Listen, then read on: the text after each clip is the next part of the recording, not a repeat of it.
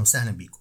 مع حضراتكم رائف صبح و Book Aficionados النهارده الحقيقة البداية الحقيقية في كتاب العقلية لكارول دويك.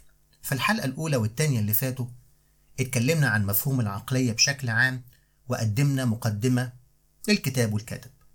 النهاردة في الحلقة الثالثة هنبدأ في الكتاب بشكل مباشر وهنبدأ بكارول نفسها وهي بتعرفنا إن فكرة الكتاب جت ليها لما طلابها طلبوا منها تكتب مؤلف توضح فيه كل تجاربهم وأعمالهم واللي ممكن تفيد بشكل كبير في جعل حياة الناس أفضل.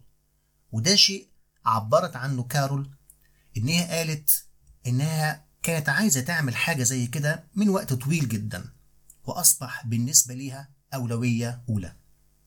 في مقدمة الكتاب كارول بتوضح إن عملها في مجال علم النفس بيركز على إظهار القوة الكبيرة لمعتقداتنا وأفكارنا واللي ممكن نكون على دراية بيها أو مش على دراية بيها بالقدر الكافي واللي بتؤثر بشكل كبير جدا على تحديد احتياجاتنا ورغباتنا ومدى نجاحنا في تحقيقها وبالتالي تغيير أفكارنا حتى أفكارنا البسيطة ليه آثار عظيمة جدا.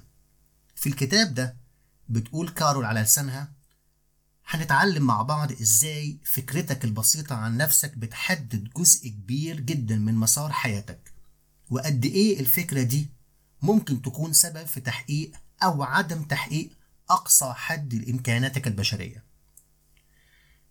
بنهاية الكتاب كارول بتؤكد هنفهم بشكل كبير العلاقات البشرية وهنفهم الآخرين هتفهم رئيسك في العمل هتفهم أصدقائك هتفهم أطفالك. على سبيل المثال هنعرف كمان إزاي نحفز نفسنا ونطلق العنان لأفكارنا وطاقتنا اللي ممكن ما نكونش على دراية بيها من الأساس.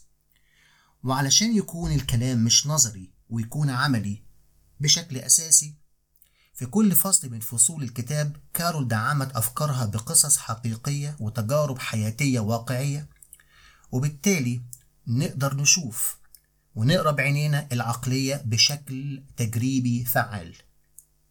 ومش بس كده كمان في نهاية كل فصل كارول بتقدم لنا هدية طرق وأسئلة وأفكار للتطبيق العملي وكلها ليها هدف واحد هو اكتشاف عقليتك اللي بتتحكم في حياتك ونفهم إزاي العقلية بتشتغل وأخيرا تغييرها للأفضل لو عندك رغبة في حاجة زي كده.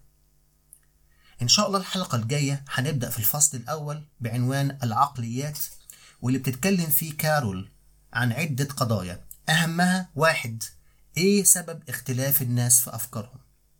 لماذا يختلف الناس؟ اتنين العقلية بنوعيها. تلاتة رؤية عن العقليتين. أربعة إيه الجديد في موضوع العقلية؟ خمسة استبصار الذات. ستة ما الذي يخبئه القدر لنا؟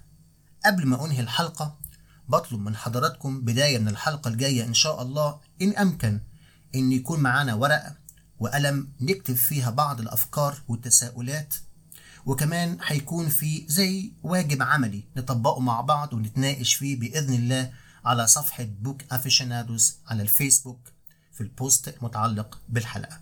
شكرا لكم